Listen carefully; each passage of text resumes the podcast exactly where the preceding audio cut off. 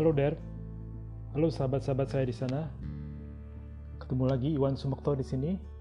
Hari ini tanggal 29 Juli 2021, hari Kamis.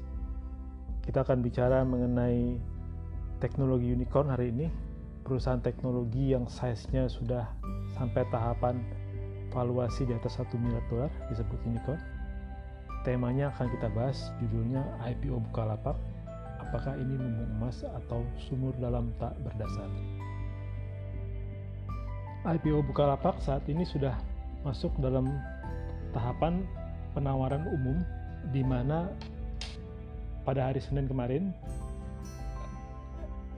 Bukalapak telah memperoleh pernyataan efektif dari OJK. Jadi proses book building selesai, penetapan harga telah ditetapkan seharga 850 harga penawaran di mana jumlah saham yang akan ditawarkan itu jumlahnya 25,76 miliar dengan nilai nominal 50 dan harga penawaran 850 rupiah. Maka total perolehan dana nantinya maksimal adalah sebesar 21,9 triliun.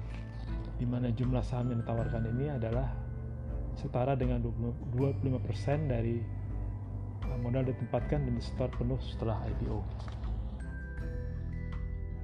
dengan penawaran dengan penawaran saham perdana ataupun IPO yang akan dilakukan oleh Bukalapak ini maka Bukalapak akan menjadi e-commerce unicorn pertama yang akan mencatatkan sahamnya dalam penawaran perdana di Bursa Efek Indonesia. Jadi nanti listingnya kalau sesuai jadwal adalah pada tanggal 6 Agustus 2021.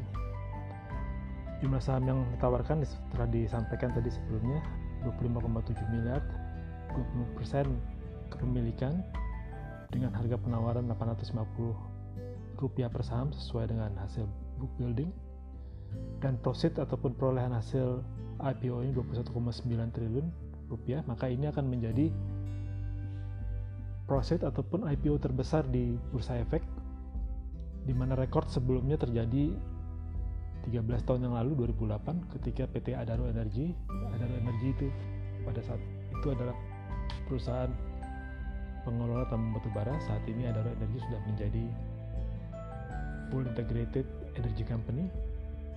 Pada saat itu hasil perolehan IPO yang diperoleh oleh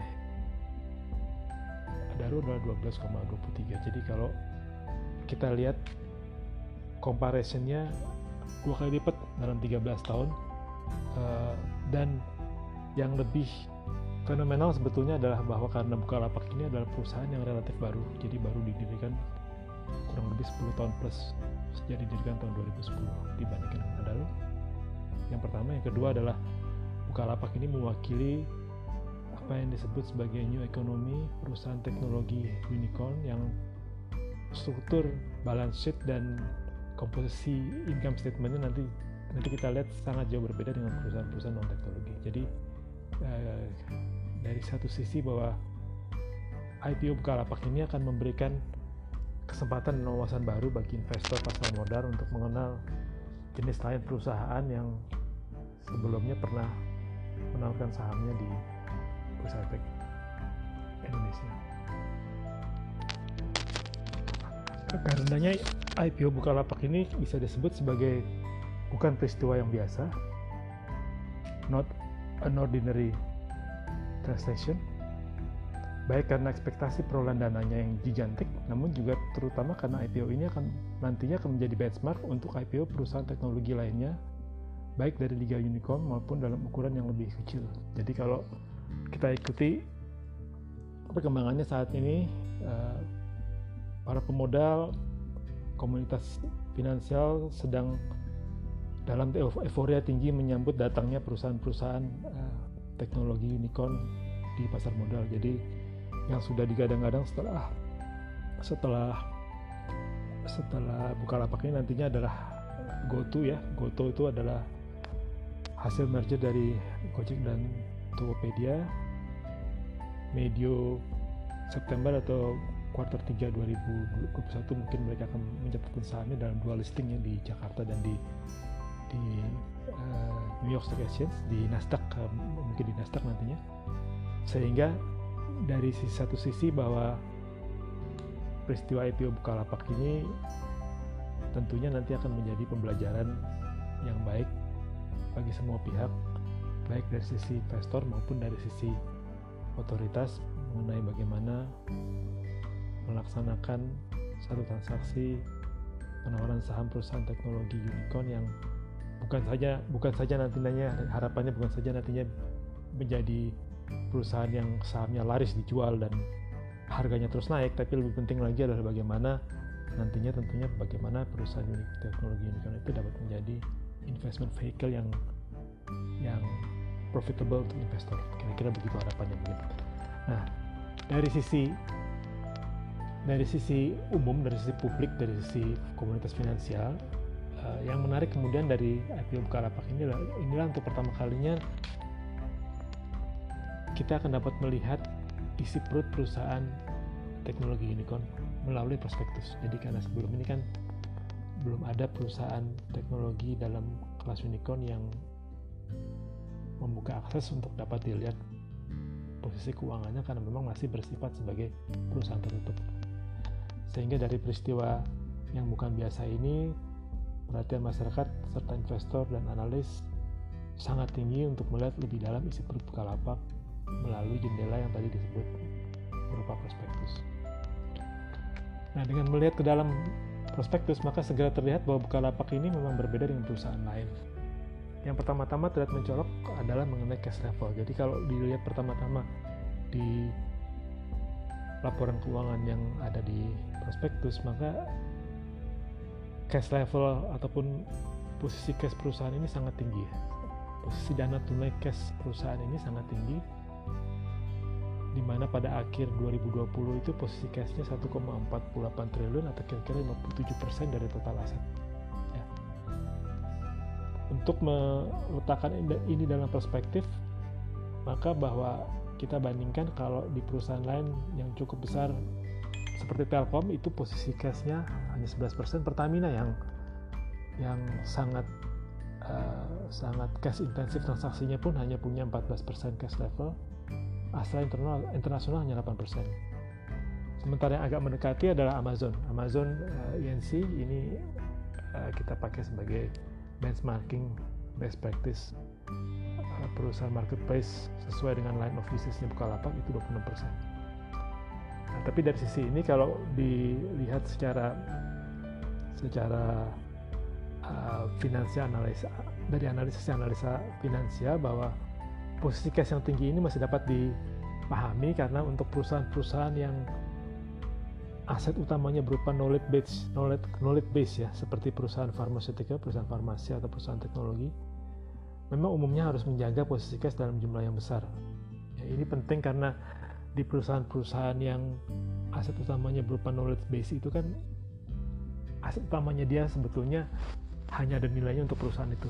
Berbeda dengan perusahaan-perusahaan yang bukan knowledge base di mana aset utamanya dia itu bisa mempunyai nilai untuk pihak di luar perusahaan dalam hal diperlukan financing atau pembiayaan. Sementara di perusahaan-perusahaan seperti uh, pharmaceutical teknologi aset utamanya itu ya yang berupa R&D untuk orang di luar perusahaan yang nggak ada harganya.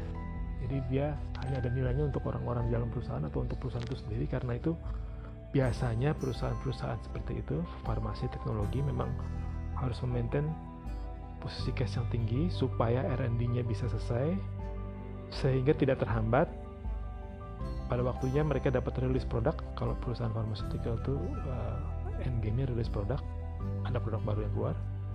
Atau go live service. Kalau di perusahaan teknologi itu disebutnya go live service. Ada service baru teknologi baru yang selesai dan dapat diintroduction untuk ditawarkan kepada customer. Sehingga dengan cara itu maka cash flow dapat mulai masuk. Jadi kita uh, pelajaran kita yang pertama adalah bahwa memang perusahaan teknologi ini punya cash level yang sangat tinggi dan jauh lebih tinggi dari perusahaan-perusahaan non teknologi lainnya. Namun sepanjang yang kita pahami bahwa posisi cash level yang tinggi itu memang diperlukan sesuai nature bisnis dari perusahaan tersebut kemudian selain proporsi saldo kas yang tinggi yang lebih mudah dijelaskan, maka hal lain yang lebih sulit dipahami sebetulnya adalah bagaimana seharusnya model bisnis Bukalapak agar dapat mem memonetisasi gross transaction value atau GTV agar menjadi keuntungan. Jadi kalau saya sebutnya ini adalah bagaimana road to profitable-nya. Ya. Karena jika dilihat tiga tahun terakhir dari 2018, 2019 sampai 2020, maka walaupun GTV terus naik dari 28,34 triliun di tahun 2018 ke 57,39 triliun rupiah di tahun 2019 sampai menjadi 85,08 triliun di tahun 2020 di mana ini kemudian disertai dengan kenaikan pendapatan neto sejumlah 291,91 miliar di tahun 2018 kemudian 1 triliun 76 miliar di tahun 2019 dan 1 triliun 35 1 triliun 351 miliar di tahun 2020 namun di bottom line-nya masih menghasilkan kerugian usaha yang cukup besar yaitu sebesar 2,2 eh, triliun di tahun 2018, kemudian 2,841 triliun di tahun 2019 dan 1,837 triliun di tahun 2020. Nah, kalau dilihat lebih ke dalam, maka kerugian itu mulai terjadi setelah beban penjualan dan pemasaran. Jadi setelah kalau dilihat di uh, income statement, setelah revenue ada cost of sales itu masih positif setelah itu ada beban penjualan dan pemasaran di situ mulai negatif setelah itu di bawahnya setelah beban penjualan dan pemasaran ada beban umum administrasi kerugiannya makin besar. Setelah itu ada beban operasi lainnya kerugian, kerugiannya makin besar. Dari sini kemudian kita dapat membuat analisa bahwa diperkirakan apa yang terjadi adalah bahwa perusahaan yang sebagian besar pendapatannya berasal dari fee transaksi seperti di fee transaksi di marketplace seperti Bukalapak ini. Jika yang terjadi adalah seperti ini maka penyebab utama terjadinya kerugian ini adalah karena perusahaan harus mengeluarkan biaya untuk akuisisi pelanggan melebihi revenue per customer. Atau dengan kata lain perusahaan tidak dapat menghasilkan revenue per customer yang cukup besar melebihi biaya akuisisinya. Jadi kalau dalam bahasa yang straight to the point kelihatannya sampai dengan saat ini selama tiga tahun terakhir ini Bukalapak perusahaan belum dapat menghasilkan revenue per customer yang lebih tinggi dari biaya akuisisinya. Artinya uh, program bakar duitnya ataupun program cash burn-nya ini masih terus berjalan karena uh, mungkin itu yang diperlukan oleh mereka untuk dapat menarik customer ini satu perhatiannya ini yang harus jadi perhatian utama tentunya karena dari sini kita nanti bisa memperkirakan seperti apa sebetulnya prospek usaha perusahaan ke depannya. Karena karenanya kemudian menjadi sangat penting untuk kita melihat bagaimana sebetulnya bisnis model Bukalapak saat ini dan membandingkannya dengan bisnis model e-commerce platform lain yang profitable sebagai best practice. Jadi uh, kita punya satu case di sini perusahaan yang sedang kita analisa dan kita butuh best practice sebagai pembanding untuk dapat melihat bagaimana sebetulnya posisi perusahaan ini, ini Bukalapak dibandingkan dengan best practice yang ada. Karena best practice yang kita pakai ini dalam hal ini Amazon adalah perusahaan yang sudah profitable. Jadi bukan lagi bicara road profitable tapi udah bicara berapa margin profit itu udah udah sampai di level itu. Nah kalau kita lihat ke dalam di Bukalapak saat ini 75% 75% dari penjualan itu berasal dari fee transaksi di marketplace. Disebutnya C2C, customer to customer, dan hanya 25% yang berasal dari penjualan di tokonya sendiri atau B2C, business to customer, di tahun 2019. Sementara di tahun 2020 proporsinya malah turun. Jadi yang di tahun 2020 proporsi B2C-nya malah turun menjadi 10% saja. Padahal kalau dilihat dari dari best practice dan ordinary practice di uh, marketplace ini di segmen B, B2C itulah sebetulnya margin terbesar dapat diperoleh dalam e-commerce seperti terlihat di Amazon yang penjualan dari tokonya sendiri atau B2C di tahun 2018 itu proporsinya sejumlah 63% dan di tahun 2019 itu 59%. Selain itu, Bukalapak tampaknya belum berhasil mengembangkan lini bisnis B2B yang dijagokan dapat menjadi revenue kontributor utama dengan didukung oleh jutaan pedagang online dan UMKM offline. Jadi di sini kita sudah langsung bisa melihat bahwa dengan struktur revenue yang seperti saat ini, maka memang uh, apa yang dilihat bahwa gross merchandise gross merchandise value itu terus naik revenue terus naik tapi income net income belum dapat positif itu antara lain sebab utamanya adalah memang karena revenue structure-nya belum sesuai dengan apa yang menjadi gold standard dari industri e-commerce. Jadi memang uh, di sinilah kelihatannya salah satu uh, titik perhatian yang harus menjadi special attention bagi bagi komunitas finansial bagi investor tentunya yang nantinya mungkin berminat untuk membeli saham Bukalapak. Oleh karena itu dalam upaya untuk menungkar revenue kapasitinya, Bukalapak perlu untuk memperbesar porsi pendapatan dari segmen B2C di samping juga tentunya mengembangkan lini bisnis B2B. Jadi memang dari sini kita bisa lihat bahwa kalau memang revenue kapasitinya mau dinaikin nggak ada pilihan lain, B2C-nya harus ditingkatkan, dan malah kalau kalau lebih ideal kalau dikembangkan juga menjadi B2B yang lebih profitable lagi. Tapi di sini sebetulnya tantangan terbesarnya karena mengembangkan lini bisnis B2B dengan UMKM sebagai pelaku utama di saat kegiatan ekonomi dan daya beli masyarakat sedang jauh menurun karena pandemi COVID-19 seperti saat ini itu boleh disebut boleh disebut merupakan pilihan yang salah waktu. Jadi uh, bukan bukan pilihan yang tepat kalau saat ini kita berambisi untuk meningkatkan porsi bisnis B2B dengan UMKM sebagai pelaku utamanya.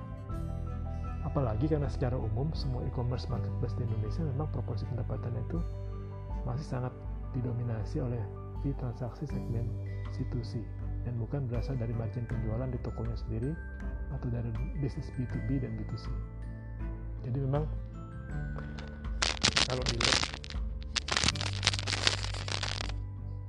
kalau dilihat secara fundamental secara secara struktur revenue hampir semua e-commerce Indonesia masih sangat tergantung dengan institusi yang marginnya tipis. Sehingga kalau kita mau bergerak ke arah bisnis model dengan margin yang lebih tebal tak ada pilihan lain memang harus berjalan ke arah B2B atau B2C yang gamenya memang sangat berbeda dengan institusi dan itu belum belum familiar untuk sebagian besar atau seluruh uh, e-commerce perusahaan e-commerce di Indonesia. Terlebih lagi untuk Bukalapak posisinya menjadi lebih sulit karena mereka bukanlah market leader di pasar e-commerce Indonesia.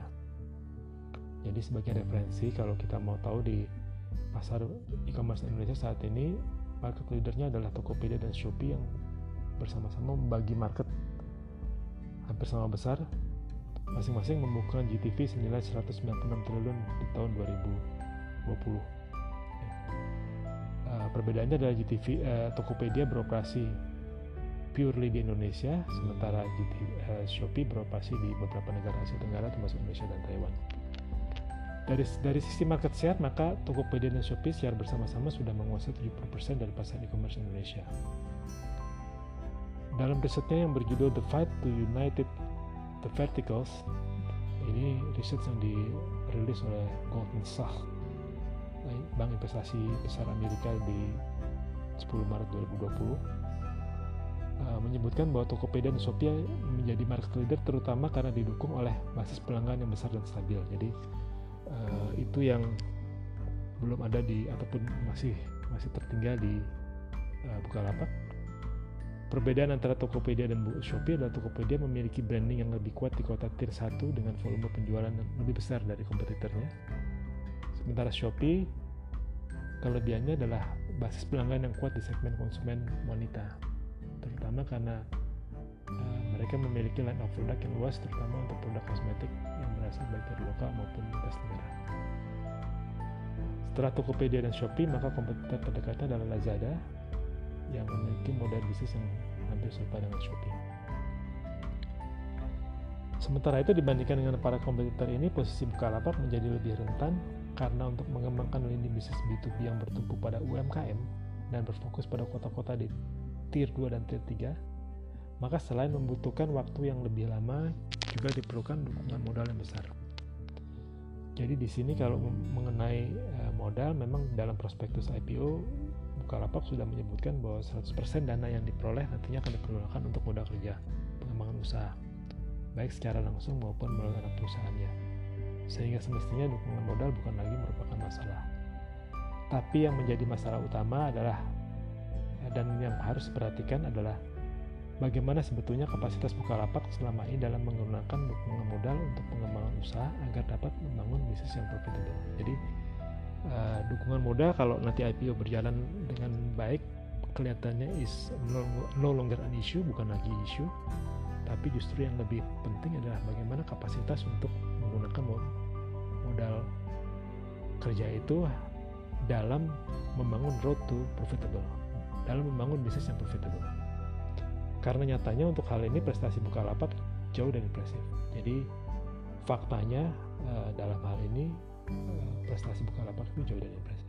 Jadi kalau kita lihat di prospektus sejak tahun 2018 sampai di kuartal 1 2021 melalui berbagai tahapan uh, funding round yang sudah dilakukan itu Bukalapak telah memperoleh pendanaan total sejumlah 9,55 triliun. Jadi dari uh, banyak sekali uh, venture capital, uh, sophisticated investor, strategic investor yang venture cap, uh, angel angel funding yang masuk uh, ke Bukalapak itu total sudah ber, sudah berhasil mengakumulasi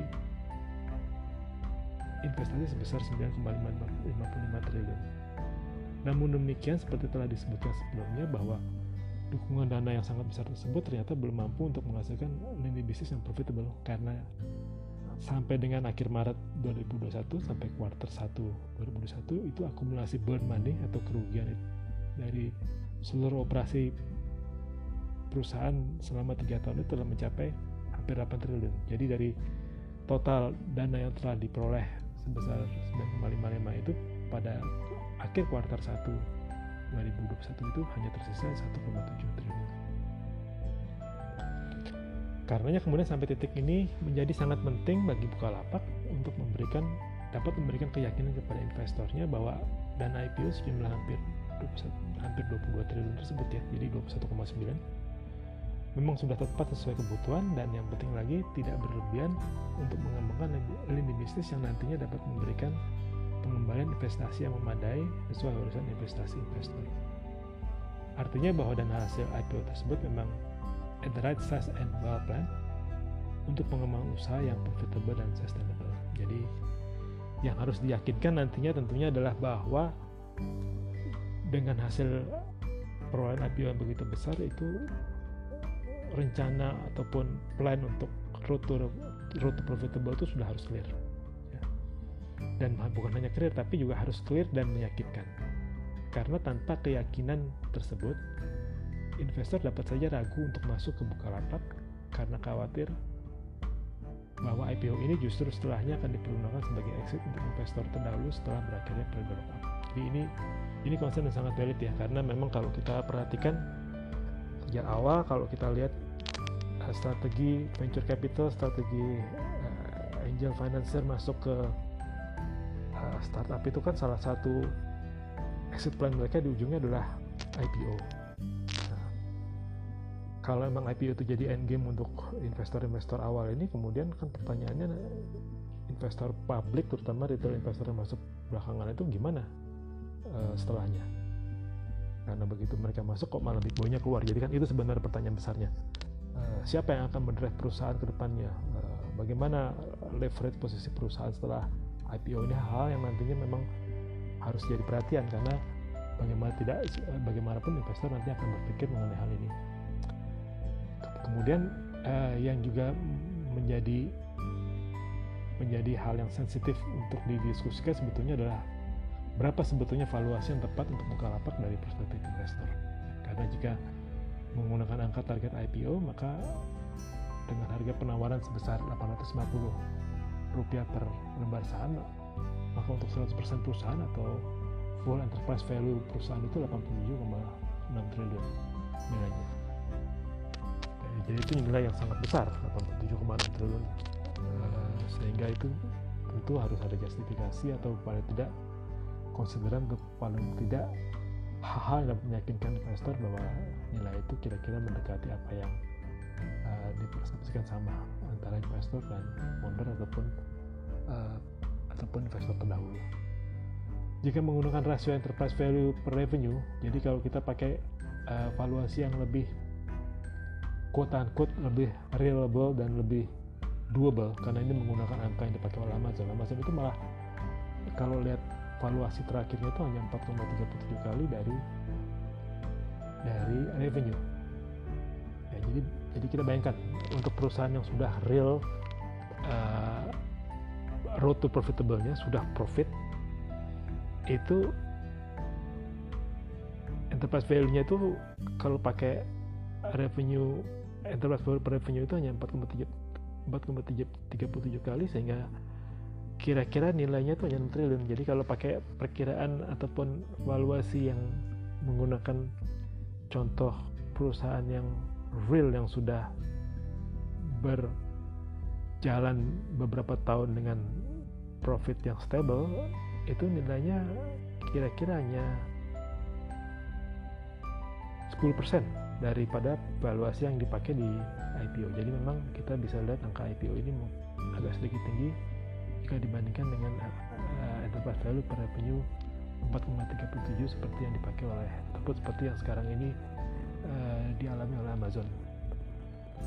Sementara beberapa venture capital menggunakan valuasi yang malah lebih lebih highly optimis lagi ya karena patokannya GTV. Jadi ini saya ambil referensinya antara lain dari salah satu investor awal di beberapa uh, investor awal di beberapa uh, startup teknologi di Asia bukan cuma di Indonesia jadi mereka juga invest di C Limited C Limited itu holding company-nya Shopee di Singapura Garena uh, gaming company itu mereka pakai uh, multiply dari GTV kalau mereka pakai 1,8 GTV ya jadi 1,8 ini kira-kira lebih rendah dari uh, yang dipakai di Grab Holding dan C Limited. Maka valuasinya lapak ini jadi 153 triliun. Itu lebih gila lagi.